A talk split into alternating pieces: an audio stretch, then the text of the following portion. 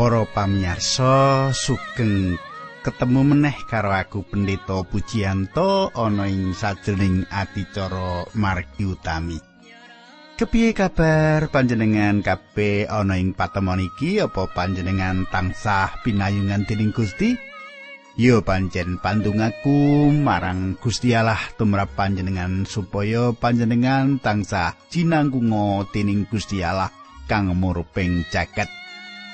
Mangkono katangku ayo nyerak karo aku kini lan panjenengan kaya padatan tak derekake sinau pangandikane Gusti. Sinau kepiye urip kita supaya urip kita iki selaras karo apa sing dikersakake dening Gusti? Sugeng midhangetake adicara iki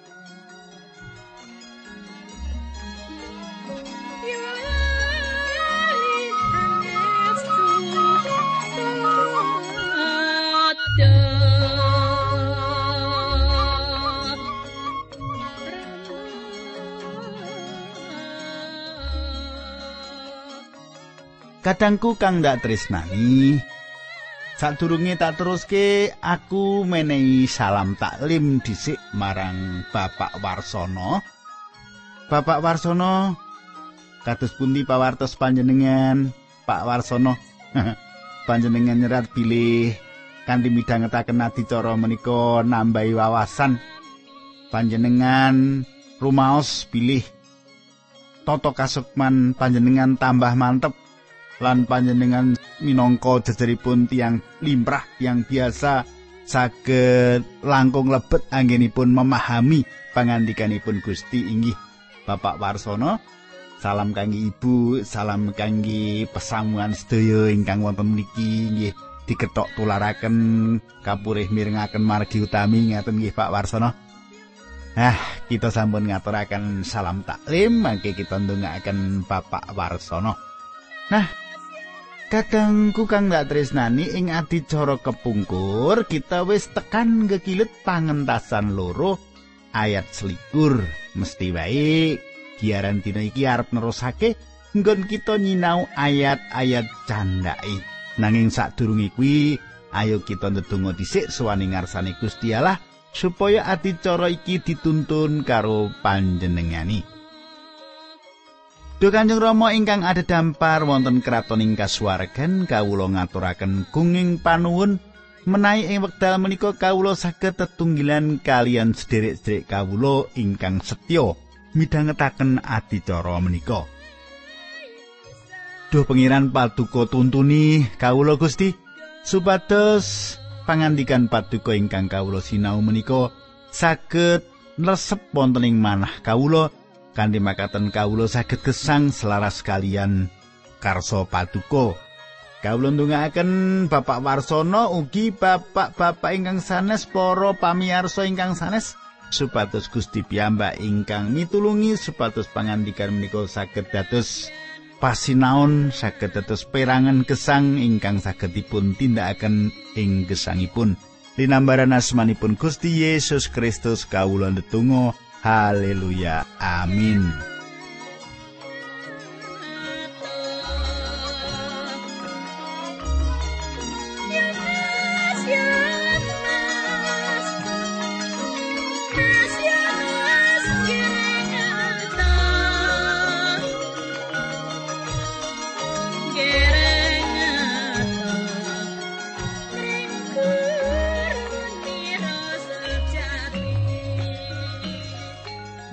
Sumitraku ing pepanggian kita. Kita wis ndeleng bab laire Musa. Ing pepanggian kita kita wis ndeleng bab laire Musa lan iki panjenengan bisa semak ing patemon kita kang kepungkur. Panjenengan perso pilih Musa. Musa uripe kebak kasangsayan lan kebak tantangan Pemerintah Mesir wis ngiyarake yen sakabeh bayi lanang saka bangsa Israel kudu dipateni lan dibuang menyang Bengawan Nil iku perintah kang gelem ora gelem kudu dinut Nuli kita wis ndeleng kaya ngapa astane alanggone paring pitulungan marang Musa sing ditemu dening putrine Firaun. Banjur didadekke anak angkat. Nuli disesepi ibune Musa dhewe. Sapa ibune panjenengan isih kelingan? Ibune jenenge Yo Kepet. Kadangku akal kita ora bisa nyandak yen wusanane Musa disesepi ibune dhewe. Yo Kepet. malah nggone cecedhakan urip karo ibune cukup suwe lan sak banjure kuwi banjur dipasrahke marang putri Firaun ibu angkate. Kabeh cara panggulawentahe marang Musa tentune uga cara Mesir. Apa maneh Musa jumeneng dadi putra angkate putri Firaun? iki ateges duweni kuasa ing pangucap lan kuasa ing panindak. Iki kabeh mung saka pakaryane Allah. Iki kabeh saka astane Allah. Nanging Musa durung tau nampani panggula wentah kaya ngopo bisa ngluwari bangsane saka tanah Mesir. Durung tau entuk panggula wentah. Kepriye bisa ling luwari bangsane saka tanah Mesir? uga durung duweni kawasisan kepriye bisane lelados marang Allah. Luwari bangsa Israel saka Mesir iku dadi tanggung jawab Musa ing ngarsane Allah nanging sak kae kawicaksanan Mesir wis disinau dening Musa. Kawikikan sarta kapinterane bangsa Mesir ora kena disepelekke. Ngilmu kasunyatan, astronomi, utawa ngilmu palintangan wis dikuasani. Ilmu kimia uga wasis nganti bisa ngawetake jasate para raja lan panggedhe Mesir sing diarani mumi panjenengan pirsa iku ya. Gawe jenis-jenise warna uga maju warna-warna ya. Nganti ewon taun warna sing digawe dening wong Mesir ora luntur. Hebat Musa duweni kapinteran lan kawasisan sing bobote padha karo wong-wong Mesir liyani. Mung siji wae sing durung dingerteni kaya atur kuwi ngarep. Ora ngerti kepriye leladi, lelados marang Allah iku. Mula Musa banjur keparingan wektu digula wenteh meneh ing ora-ora samun sawise minggat, sawise lunga, sawise ninggalake Mesir. Kuatir bakal nampa paukuman dening Firaun jalaran wis mateni wong Mesir duk nalika semono. Musa minggat menyang Midian lan ing Midian banjur ketemu karo Sipora sing didadekake garwani. Iku isine adicara kepungkur, ayo kita terusake menyang pangentasan bab loro ayat rolikur nganti selawe sing isine mengkini.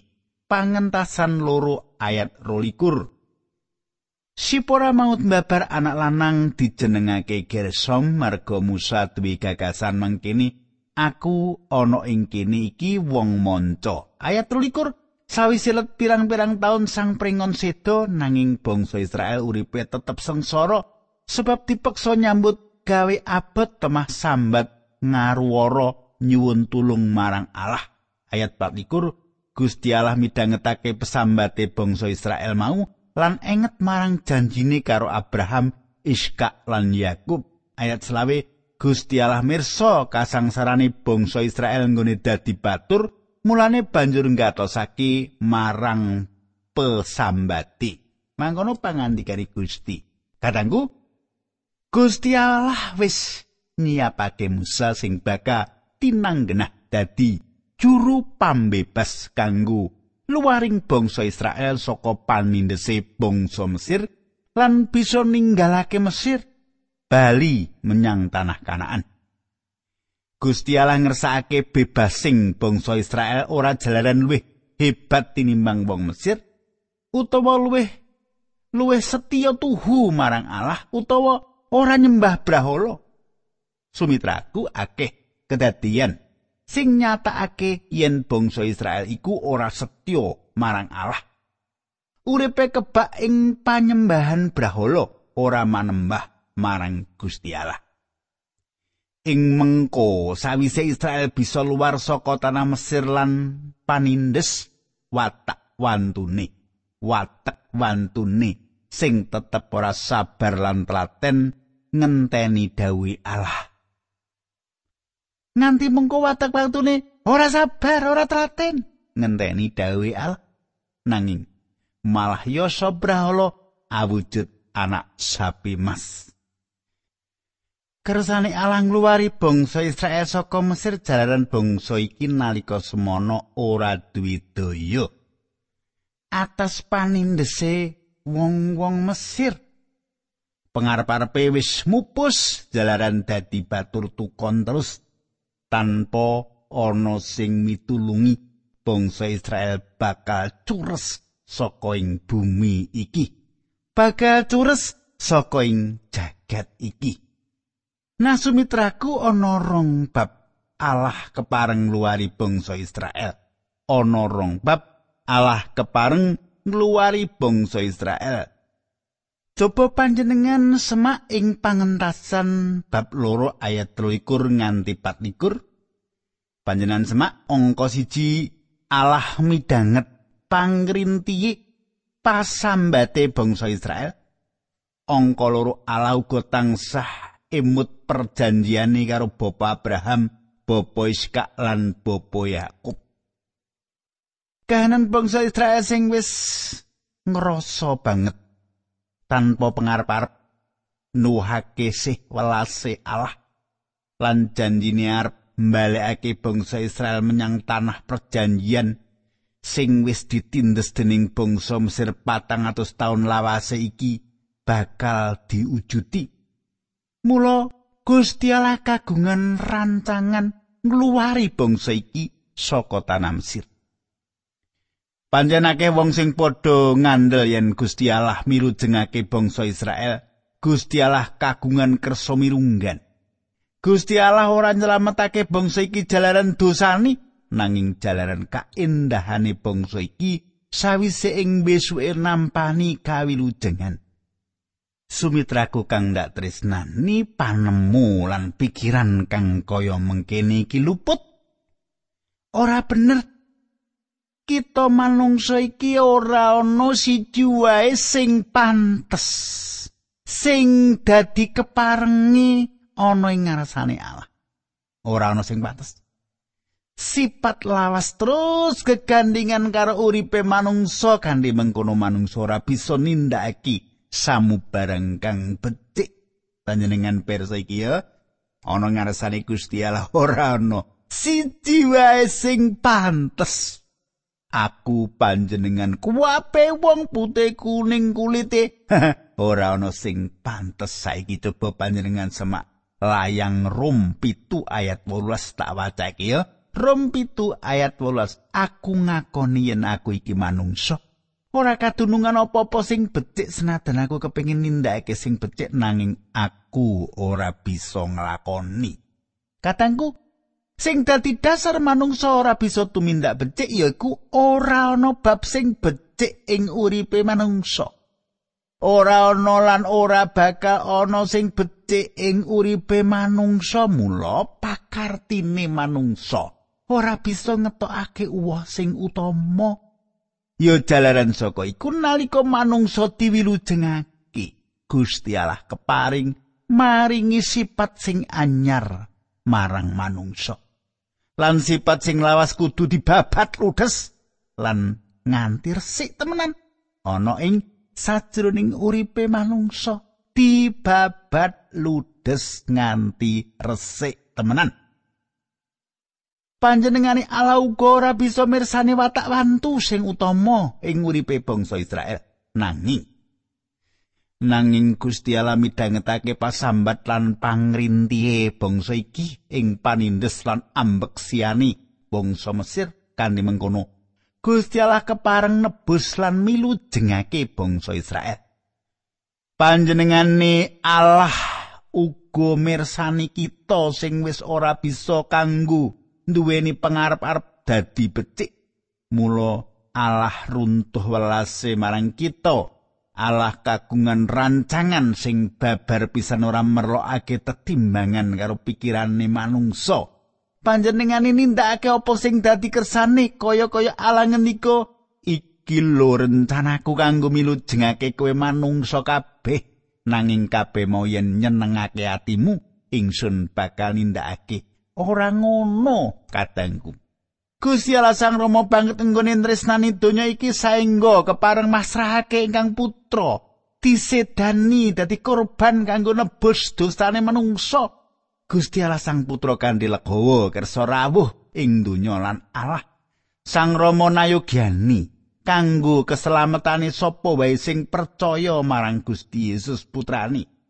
Allah ngendika marang panjenengane kabeh iki lho keselamatan sing ndak cawisake marang kowe para manungsa. Bisa kok tampani lan bisa kok tolak. Sanyatani Gusti Allah pangeran ngersakake manungsa kabeh padha percaya lan nampa kawilujengan iki. Nanging panjenengane uga maringi kamardikan yen to ana sing nampik katresnane Allah Kadangku ing Skotlandia ana sawijining ibu sing kinormatan sing penggaweane umbah-umbah opae kanggo nyekolahake anake ing universitas. Nalika anake libur lan bali mulih, pikirane wis kalimput ing ajaran nyasar ing kampusi. Ibu iki tansah nyritakake kepriye enggone Allah paring pitulungan marang keluargane lan uga nyritakake kawilujengan sing wis ditampani. Pemuda sing wis mahasiswa iki kondo karo ibune, ibu panjenengan iku ora ana tegese apa-apa tumrape Allah. Ora ana tegese. Yen ibu kelangan nyawa, Gusti Allah ora rumangsa kelangan apa-apa, Ibu. Tumrape Allah, ibu iku ora ana regane. Katangku banjur kepriye tumanggape sang ibu marang anake mau, marang omongane anak iki. Ibu sing wicaksana iki ora inggal-inggal jawab apa sing dikandhake anake.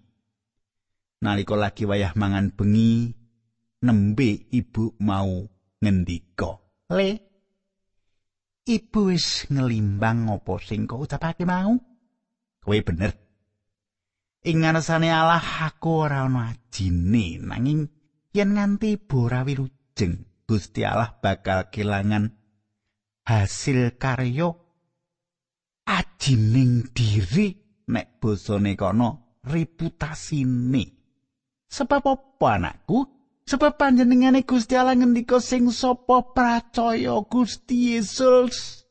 Sapa sing percaya Gusti Yesus bakal dislametake dadi yen ibu ora slamet Gusti Allah ngapusi.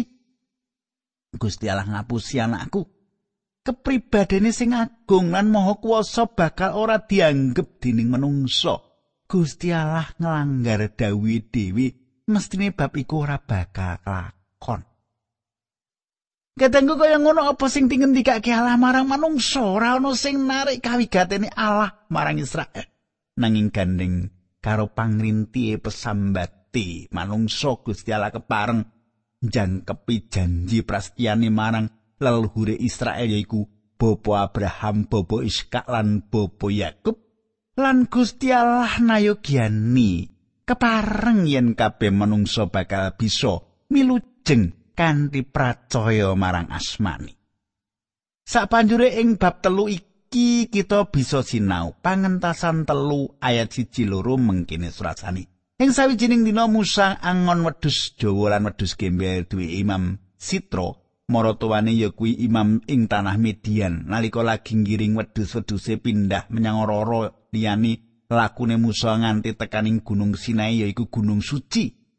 Ing kono malaikate pangeran rawuh ing sajroning uruping geni kang ana ing tengahing grumbul. Musa weruh yen grumbul mau murup nanging ora kobong Nabi Musa tumulih ndeleng. Kenapa grumbul sing ora ana genine murup grumbule ora kobong. Kahanane kitab suci sing isine ora owah gingsir bisa dideleng saka kahanane bangsa Israel. Ana sawijining kaisar ing Jerman sing takon marang adine Gusti. Apa sing dadi bukti sing utama? Bukti sing utama ing kitab suci. Abdine Gusti mau atur wangsulan. ing gesangipun bangsa Israel Sang Prabu. Bangsa iku kaya grumbul sing kobong kadangku sing marakake akeh manungsa sing padha nyingkur kahanane pancen gumunaki yen nganti tekan saiki bangsa iki tansah urip kahanane bisa tetep lan ayem. Saka bebranahan wiwit zamane Nabi Musa bangsa iki wis ana bangsa iki wis ditindes lan diperes dening bangsa Mesir kaya-kaya gegambarane grumbul sing kabesmi ing uripe geni nanging bareng dicedhaki ora kobong. Malaikat te pangeran sing wis ngaton marang Nabi Musa kadangku iku pangejawantai Gusti Yesus sing durung manjal mo dadi menungso lan tumedhak ing jagat iki mesti wae ora ana sing ora sarujuk karo panemu iki nanging iki panemu sing wis ndak asah nalika aku sinau kitab suci ma tahun-tahun coba panjenengan kata iki pangentasan telu ayat telu. Aneh batini apa sebabnya grumbul kuwi ora kobong? Beci ndak paranani.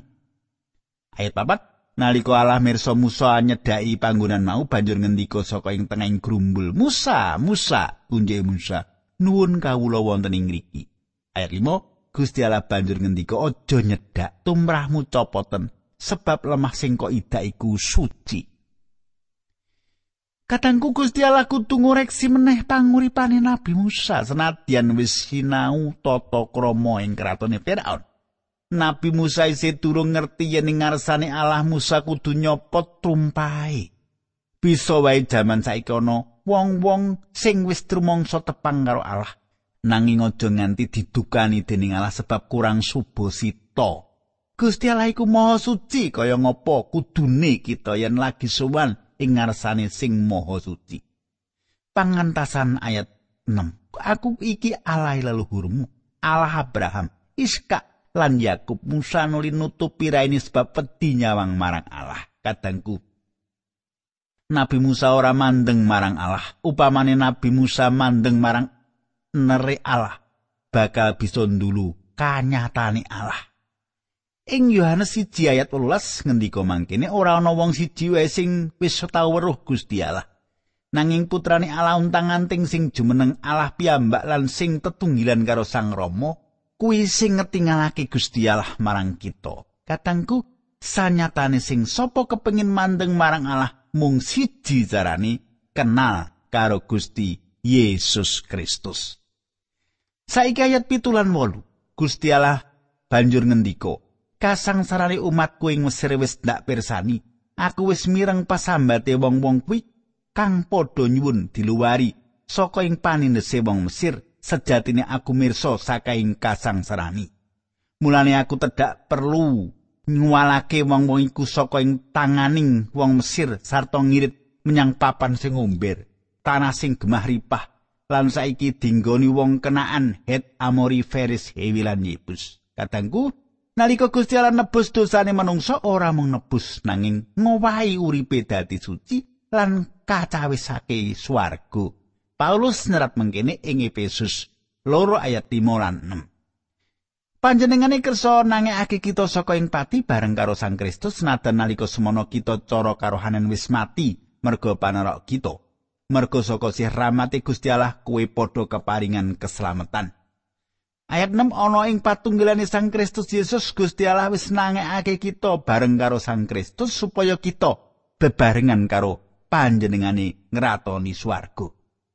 Allah wis kepareng nangekake kita lan maringi kalungguhan sing edi ing asmani Gusti Yesus.